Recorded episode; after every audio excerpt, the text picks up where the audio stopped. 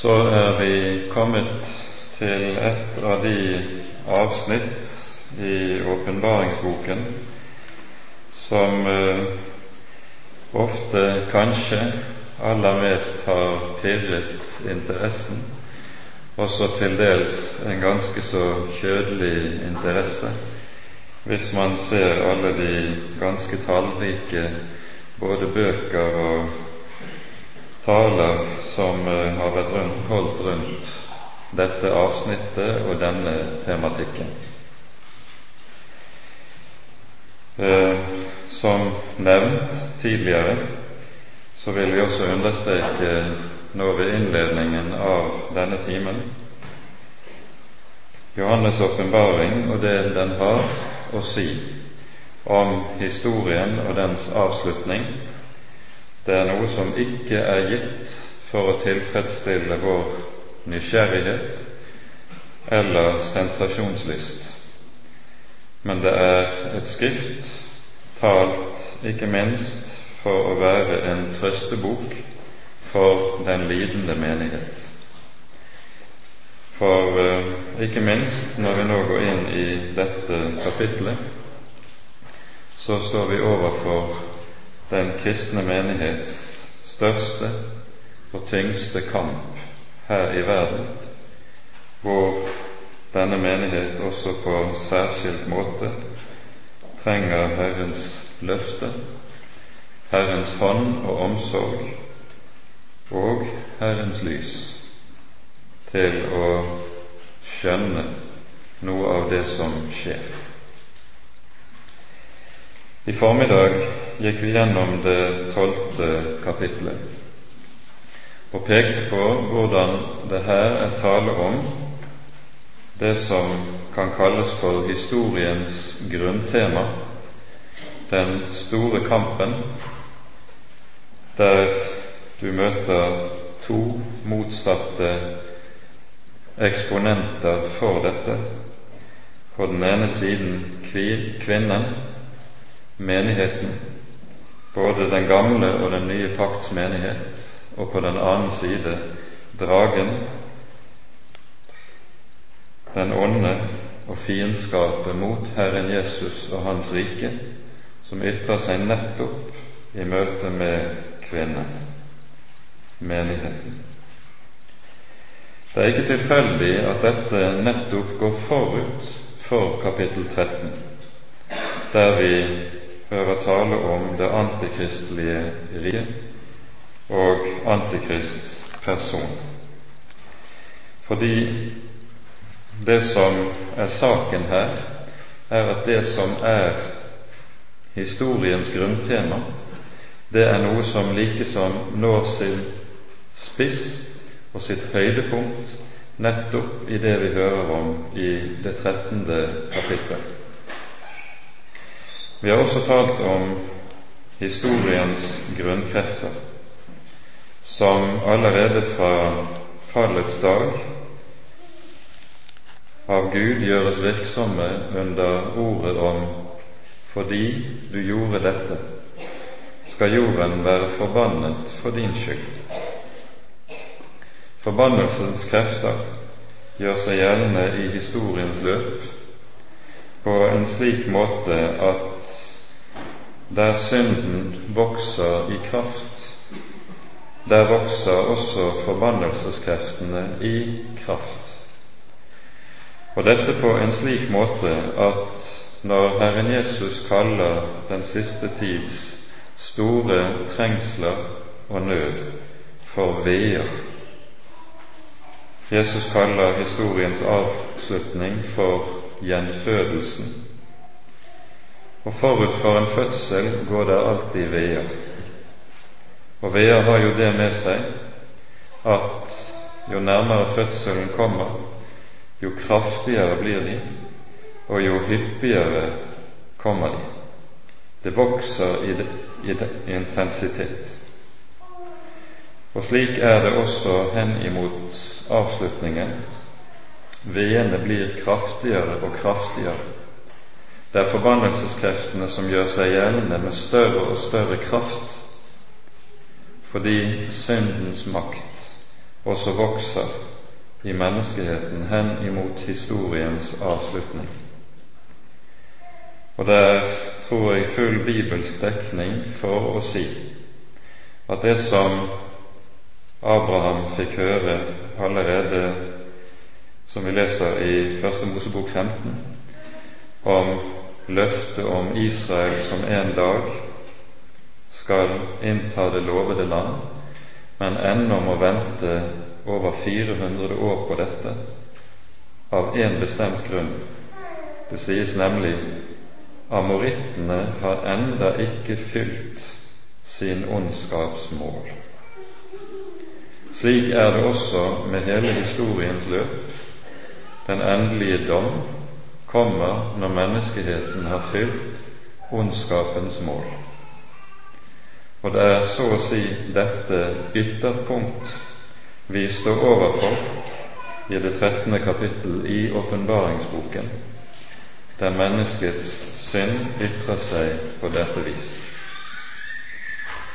Det siste verset i kapittel 12 står i, i de eldre oversettelsene omsatt slik Jeg sto på sanden ved havet.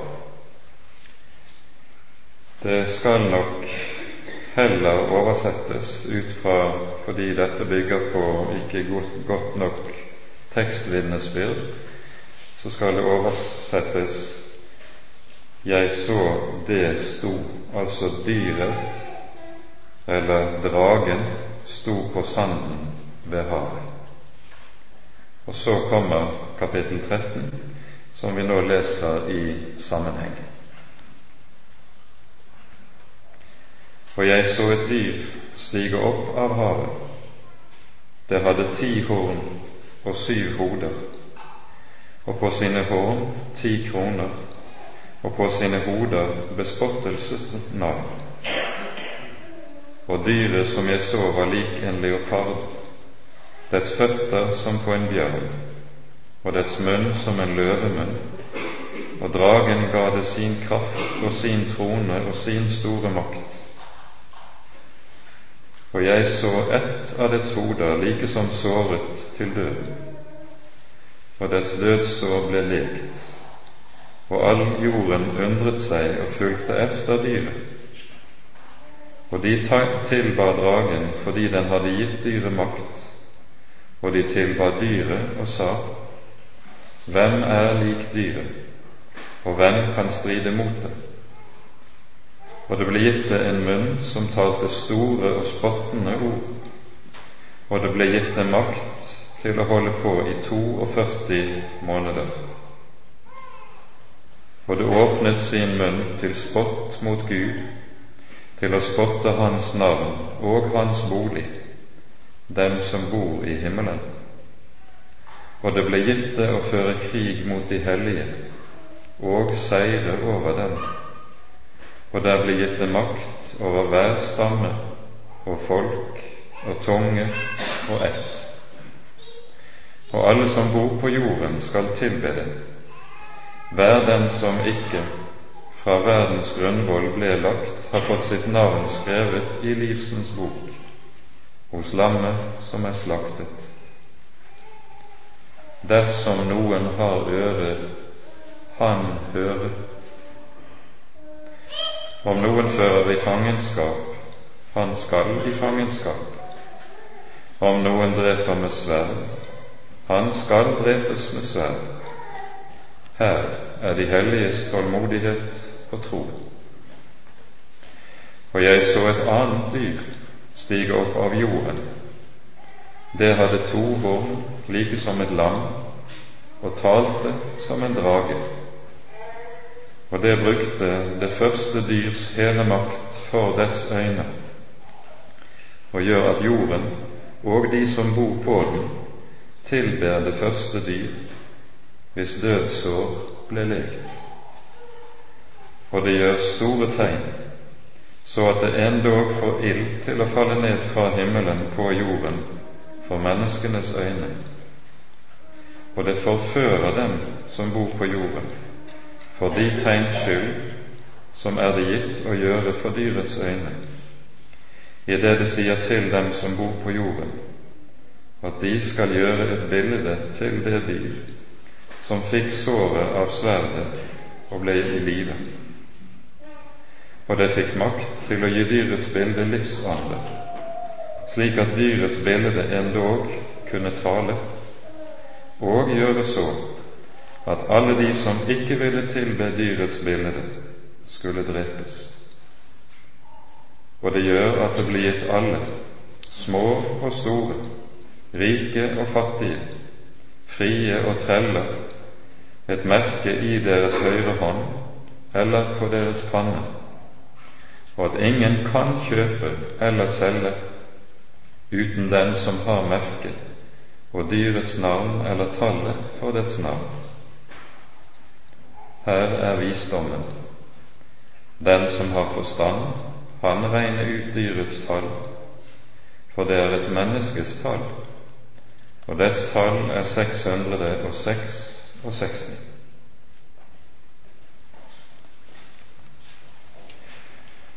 Når man leser dette kapitlet, så kan en både undres og forskrekkes, fordi billedbruken og symbolbruken her både fortoner seg skremmende og så fremmedartet at det er vanskelig å få grep om hva det er som egentlig sies. Det første som vi må merke oss, er at det vi her leser om dyret som stiger opp av havet, det er en billedbruk som har sin bakgrunn i Daniels bok, i det syvende kapittelet. Her ser vi Daniel i en visjon som er en utlegging av den store drømmen til Nebukadneser i kapittel to. Se hvorledes fire villdyr, fire rovdyr, etter tur stiger opp av havet det ene frykteligere enn det annet. Og Det som er poenget med synet, er to ting. For det første havet er, slik vi meget ofte ser det i Det gamle testamentet, bildet på det som vi kaller folkehavet. Står ved innledningen av kapitlet om hvorledes jordens fire vinder ble sluppet løs, og havet opprøres og ut av det opprørte folkehav, der er sosial uro, der er krig, der er strid, der er nød. Og nettopp ut av slik opprør og uro trer der frem tyranner, herskere. Og så kommer det ene verdensriket frem,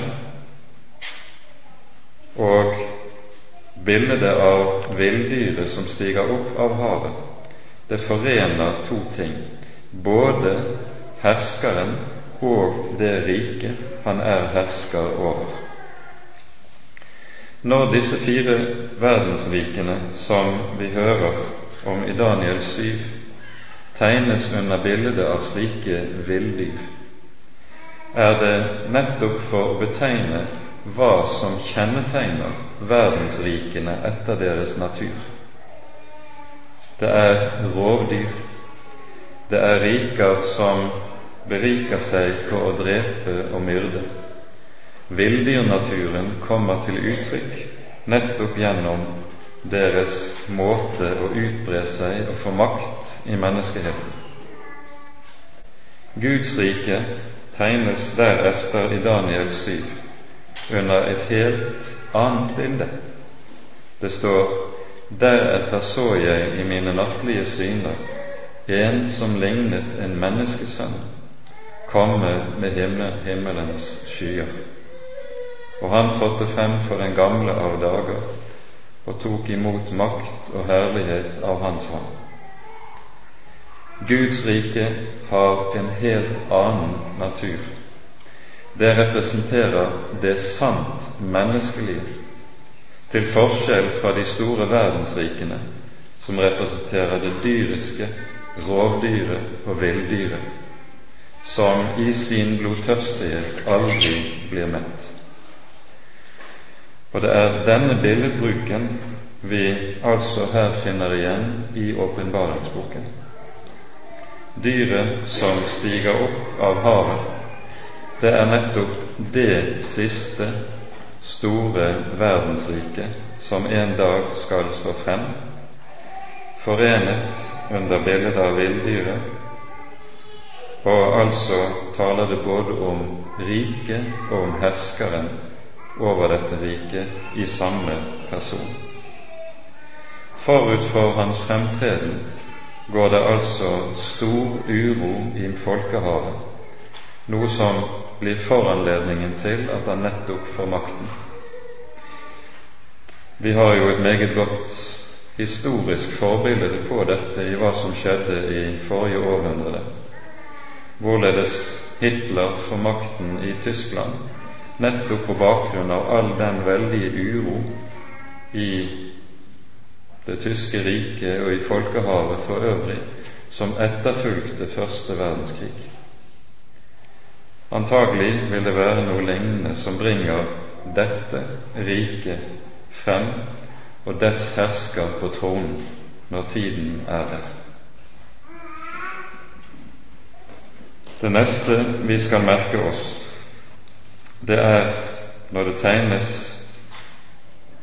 som villdyr, så har det særskilte karaktertrekk som har det med seg at dette dyret som stiger opp av havet, er, segnet, er tegnet med samme trekk som dragen som vi har hørt om i det foregående kapittel. Og med det understreker åpenbaringsboken dette at her er djevelenaturen trådt inn i verden, med alt hva det innebærer. Vi husker fra fortellingen om Jesu fristelse at i den siste fristelsen tar djevelen Jesus med opp på et høyt berg, viser ham all verdens herlighet og sier alt dette vil jeg gi deg om du vil falle ned og tilbe meg. Jesus var nettopp tenkt å få og å motta all verdens herlighet. Og før sin himmelfart så sier han også meg er gitt all makt i himmel og på jord. Men denne allmakt skulle han motta på en ganske annen måte enn ved å falle ned i tilbedelse for den onde. Han skulle motta den ved å gå korsets vei, gjennom død og fornedrelse. Fristelsen fra den onde består altså i en fristelse til å få alt dette uten korset. Det er en fristelse til å bli antikrist. Men det Jesus ikke faller for, er denne siste store hersker som kommer i historien. Han har falt for dette. Nå tegnes dette villdyret også med et annet særlig karaktertrekk. Det står i det tredje verset Jeg så ett av dets hoder, like som såret til døden, og dets dødssår ble legt, og all jorden undret seg og fulgte efter dyret. Hva er dette? Det kan se ut som at nettopp denne hersker kommer til å imitere Kristus i hans død og oppstandelse på en slik måte at menneskene lar seg bedra til å tenke. Her står vi overfor den gjenkomne Kristus, og dette er en del av det store bedraget som dyret forfører menneskeheten med. Men dermed knyttes også båndene til en annen viktig tekst i Det nye testamentet, For det er to hovedavsnitt i Det nye testamentet som taler om det som vi her har for oss. Denne annen tekst finner vi i 2. Tessalonikabrevs annet kapittel. Og vi skal merke oss innledningen til dette kapittel to. Situasjonen her i Tessaloniki er den at det tydeligvis har opptrådt predikanter i menigheten som har skapt en endetidsforventning som er til dels meget overspent. Det er en rekke av menighetens lemmer som har forlatt sitt arbeid fordi de tenker Jesus kommer jo snart likevel, hvorfor skal vi behøve å arbeide da? Og så gir de seg av med unyttige ting. Og Paulus skriver så til disse. Vi ber dere, brødre, vedkommende vår Herre Jesu Kristi komme og vår samling med Ham, at dere ikke så snart må la dere drive fra vett og sans, eller la dere skremme, verken ved noen ånd, eller ved noen tale eller ved noe brev, som om det skulle være fra oss, som om Herrens dag sto for døren. La ingen dåre dere på noen måte, for først må frafallet komme. Altså, apostelen skriver at før Jesus kommer, så må det skje bestemte ting. Og av den grunn, sier apostelen, er Jesu komme ikke umiddelbart forestående, slik som de innbiller seg i sin overspenthet. Og Paulus fortsetter så. Først må frafallet komme, og syndens menneske åpenbares, fortapelsens sønn, han som står imot og opphøyer seg over alt som kalles Gud eller helligdom, så han setter seg i Guds tempel og gir seg selv ut for å være Gud. Minnes dere ikke at jeg sa dere dette da jeg var hos dere? Og nå vet dere hva som holder igjen, så han først skal åpenbares i sin tid. For lovløshetens hemmelighet er allerede virksom, bare at det som nå holder igjen, ryddes av veien. Da skal den lovløse åpenbares, han som den Herre Jesus skal fortære med sin munns ånde og gjøre til intet ved åpenbarelsen av sitt komme. Og hans komme skjer etter Satans kraftige virksomhet med all løgnens makt og tegn og under, og med all urettferdighetens forførelse for dem som går fortapt, fordi de ikke tok imot kjærlighet til sannheten så de kunne bli frelst. Og derfor sender Gud dem kraftig villfarelse, så de tror løgnen, for at alle de skal bli dømt som ikke har trodd sannheten, men har et velbehag i urettferdigheten. Vi merker oss at verken i avsnittet i åpenbaringsboken eller her i andre Tessalonikerbrev brukes benevnelsen antikrist. Det er et navn som er hentet fra første Johannesbrev og anvendes i denne sammenheng i kristen språkbruk som nærmest en tittel. Og ordet antikrist betyr to ting. For det første betyr det 'den som står Kristus imot'. Preposisjonen 'anti' på gresk kan bety to ting, nemlig. Den kan bety imot, og dernest kan den bety i stedet for. Antikrist, det er den som vil gå inn i stedet for Kristus, vil si ta Kristi plass i menneskenes liv og i menneskenes hjerter. Og da skjønner vi to ting fra de, det vi har lest. Vi skjønner for det første hvorfor dyret så å si imiterer Kristus i hans død og oppstandelse. Og vi forstår hvorfor det her sies i Tessalonika-brevet at han setter seg selv i Guds tempel og gir seg selv ut for å være Gud.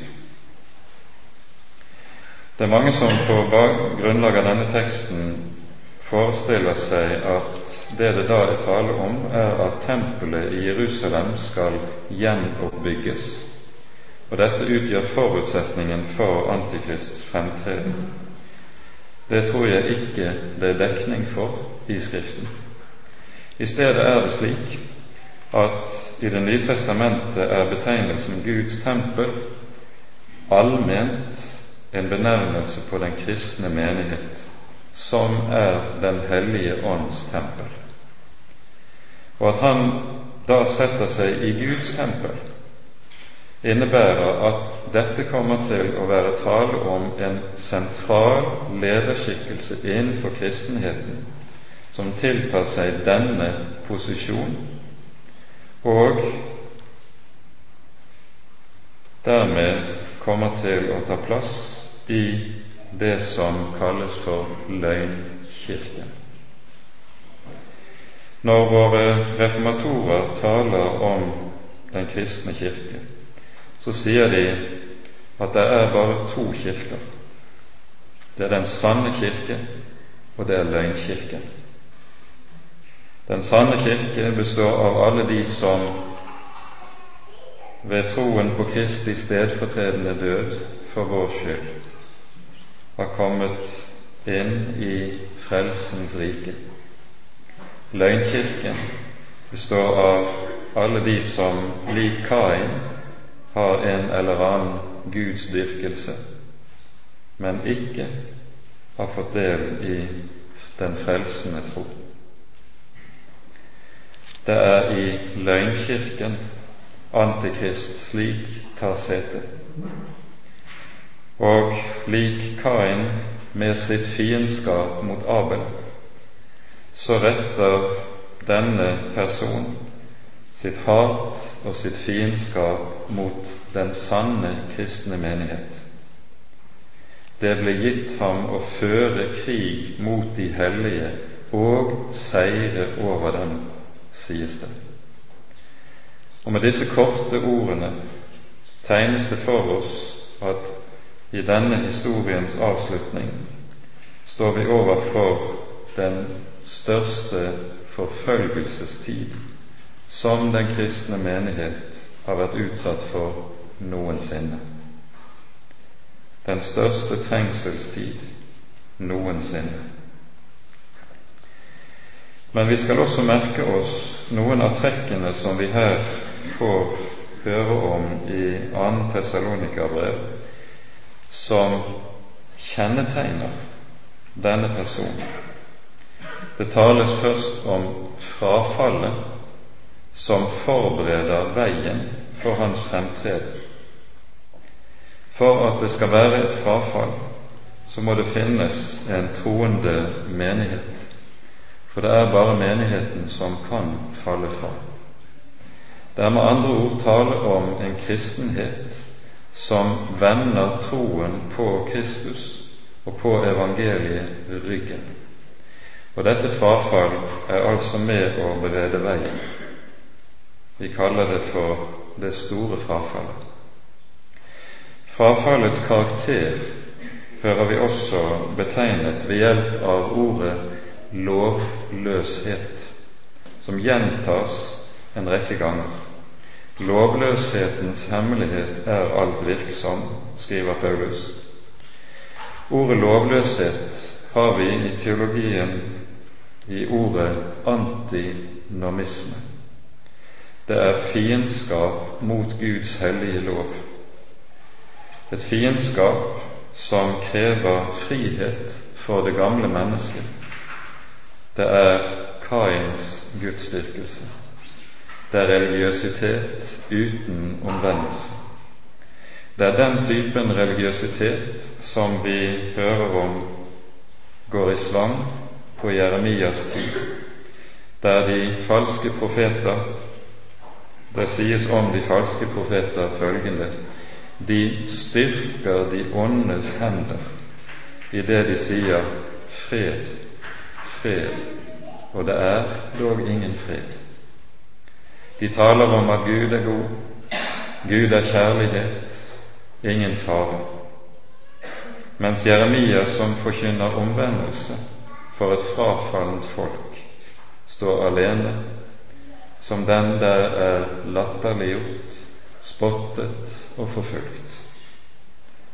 Det er den samme ånd som gjør seg gjeldende i dette. Det er lovløshetens hemmelighet.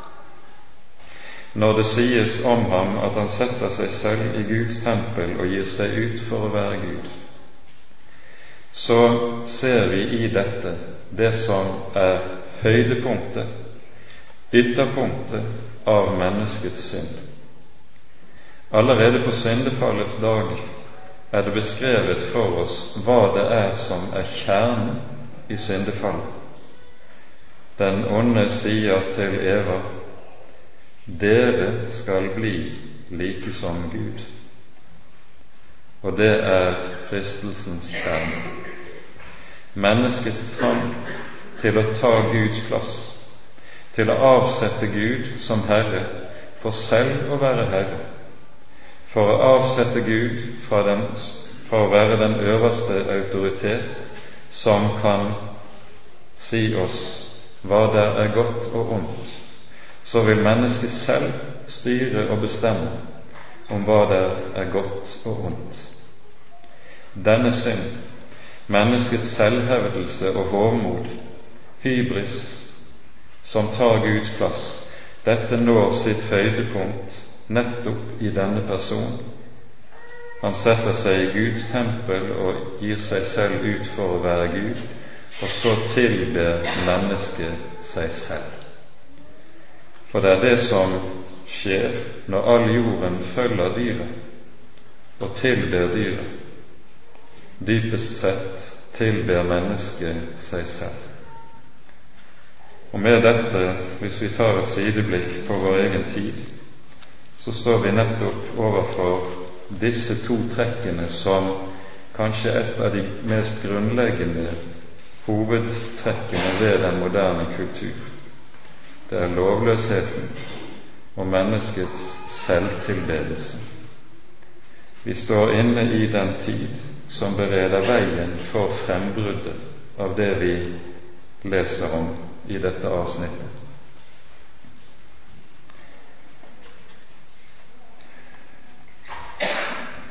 når det sies i Åpenbaringen 13,7 der ble gitt det å føre krig mot de hellige og seire over dem, så skjønner vi at med dette vil all gudsdyrkelse som bærer Abels merke, den sanne Guds tro, den vil i alt vesentlig være utryddet. Det vil nok være enkelttroende tilbake, men offentlig gudsdyrkelse, offentlig sann forkynnelse, vil ikke lenger finnes. Løgnen blir enerådende.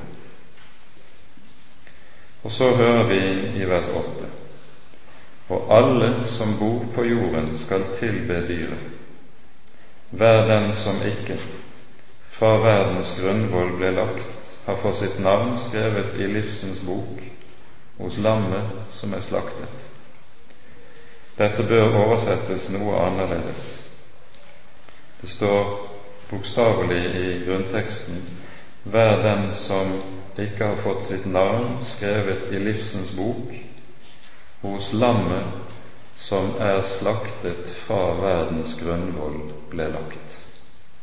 Slik er grunntekstens egentlige mening. Tanken er som følger Når Jesus lider døden på korset i vårt sted, så er dette i samsvar med Guds råd fra evighet av. Allerede før skapelsen vet Gud, i kraft av sin allvitenhet og allmektighet, om synden som vil slå inn i verden, og vet derfor også at skal denne menneskehet som han tenker og skape, kunne berges, så må han selv betale for dette i form av Sønnens lidelse og død.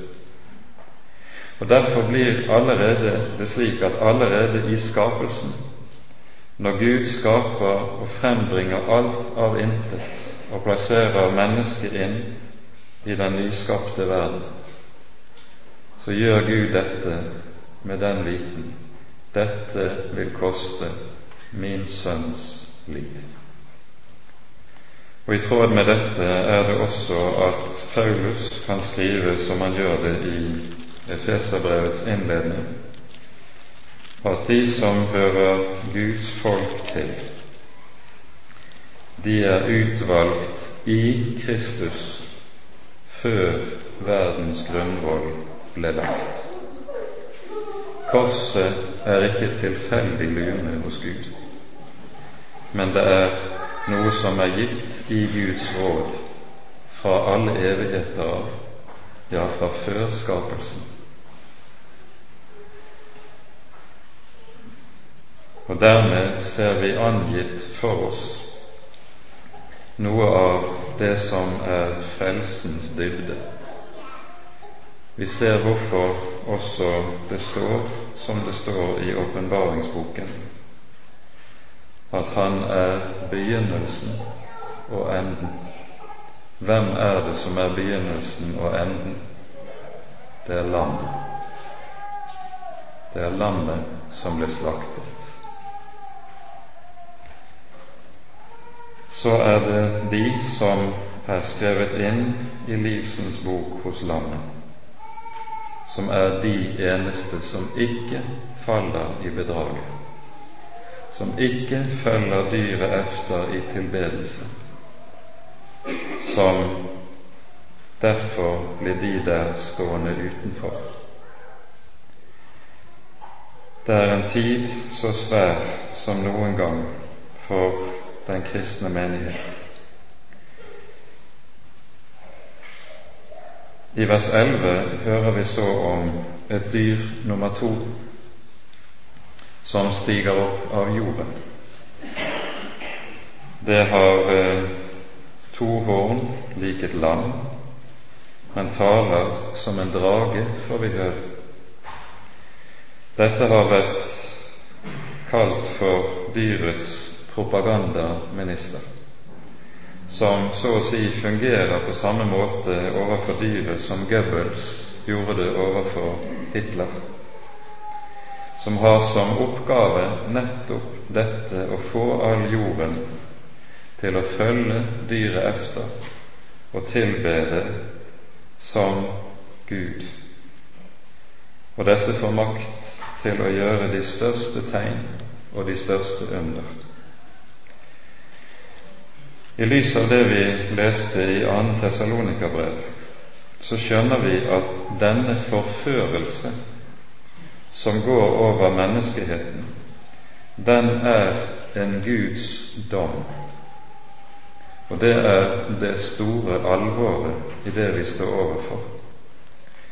Guds dommer de ytrer seg i historien ikke bare på ytre måte gjennom som vi leste om det i det sjette kapittel, gjennom den røde, den sorte og den gule rytteren som rir gjennom historien. Men de ytrer seg også på Åndens område. Det sto derfor sender Gud dem kraftig villfarelse, så de tror løgnen. Hvorfor? Fordi de ikke tok imot kjærlighet til sannheten. Og Dette er noe av kanskje det mest alvorlige som vi står overfor. Og om vi tør ta et sideblikk til vårt eget land, vår egen kultur Når vi kommer i dag i en situasjon som mer og mer ligner Jerusalems forut for dets fall, som vi hører om på Jeremias tid, da det var svermer av falske profeter, og Jeremia sto der alene. Så er nettopp de falske profeters fremtreden Guds dom over folket. En dom som blir som en fiskekrok som drar dem inn i ødeleggelsen. Slik blir det også hos oss, der mennesketilbedelse og forførelse, fornektelse av Guds ord og fremhevelse av alle hande lovløshetens synder går i svang og får rom også på Kirkens talerstol. Det betyr, kjære venner, vårt land er under Guds dom. Det er tungt alvor i dette, men vi kommer ikke unna. Denne dyrets propagandaminister som vi hører om her, han er så å si virkeliggjørelsen av dette. Dragens fremste gjerning ble sagt, som vi hørte om det i kapittel 12, han er den som forfører all jorden. Og denne forførelsen virkeliggjøres inntil sitt høydepunkt her imot avslutningen. Vi hører om tilbedelsen av dyrets bilde osv.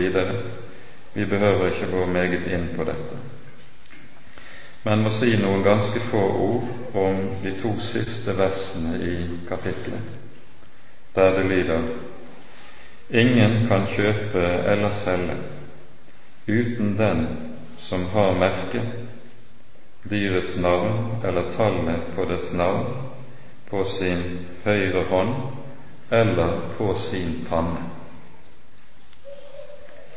Poenget med det som står her, er ikke at vi skal lage oss skrekkbilder om hva som muligens foregår i vår egen tid på det ene eller det andre området.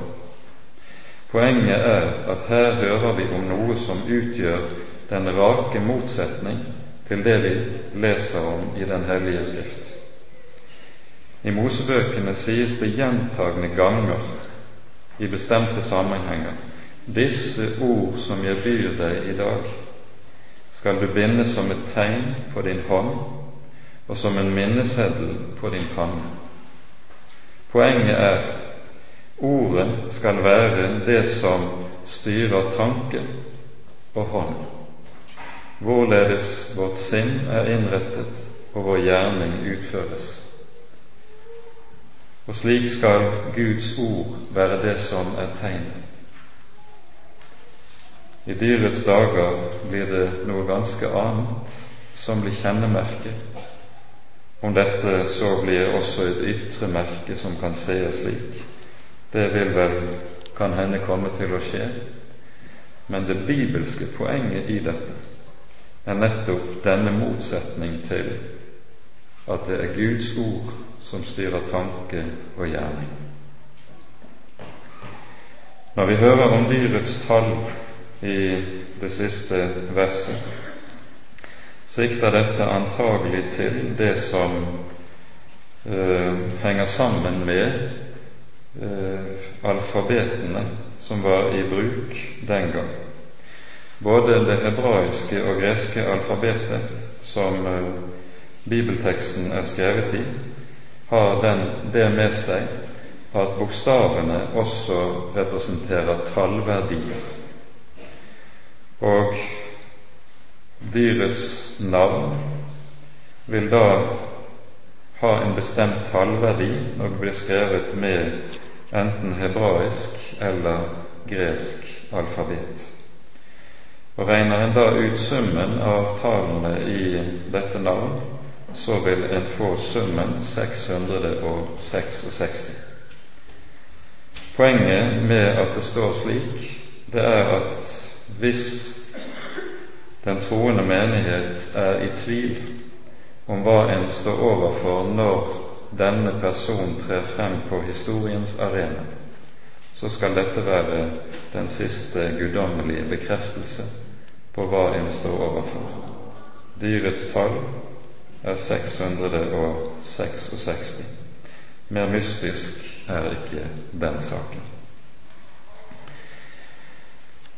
Med dette så har vi sett på noen av hovedtrekkene i dette kapitlet. Det er ikke et hyggelig kapittel å lese, men det er et kapittel som tar, gir oss den bibelske realisme når det er tale om menneskehetens historie frem imot dens avslutning. For slik Bibelen tenker om den verden som vi lever i, så er den så å si som et hus som skal kondemneres. Den står der, det får ennå stå der for den tid det skal ha. Så kommer dagen da det hele skal rives. Men nettopp når det hele rives, rivningsmaskinene gjør sin gjerning, så blir det begynnelsen til det nye som spirer frem. For historiens avslutning skal nettopp ha det samme med seg som kjennetegnet Herren Jesus og Hans kors, som vi var inne på i går. Uten at hvetekornet faller i jorden og dør, blir det bare det ene korn. Men dersom det dør, bærer det megen frukt. Det gjelder også menneskeheten og verden som helhet. Ære være Faderen og Sønnen og Den hellige ånd, som var og er og være skal en sann Gud, høylovet i evighet. Amen.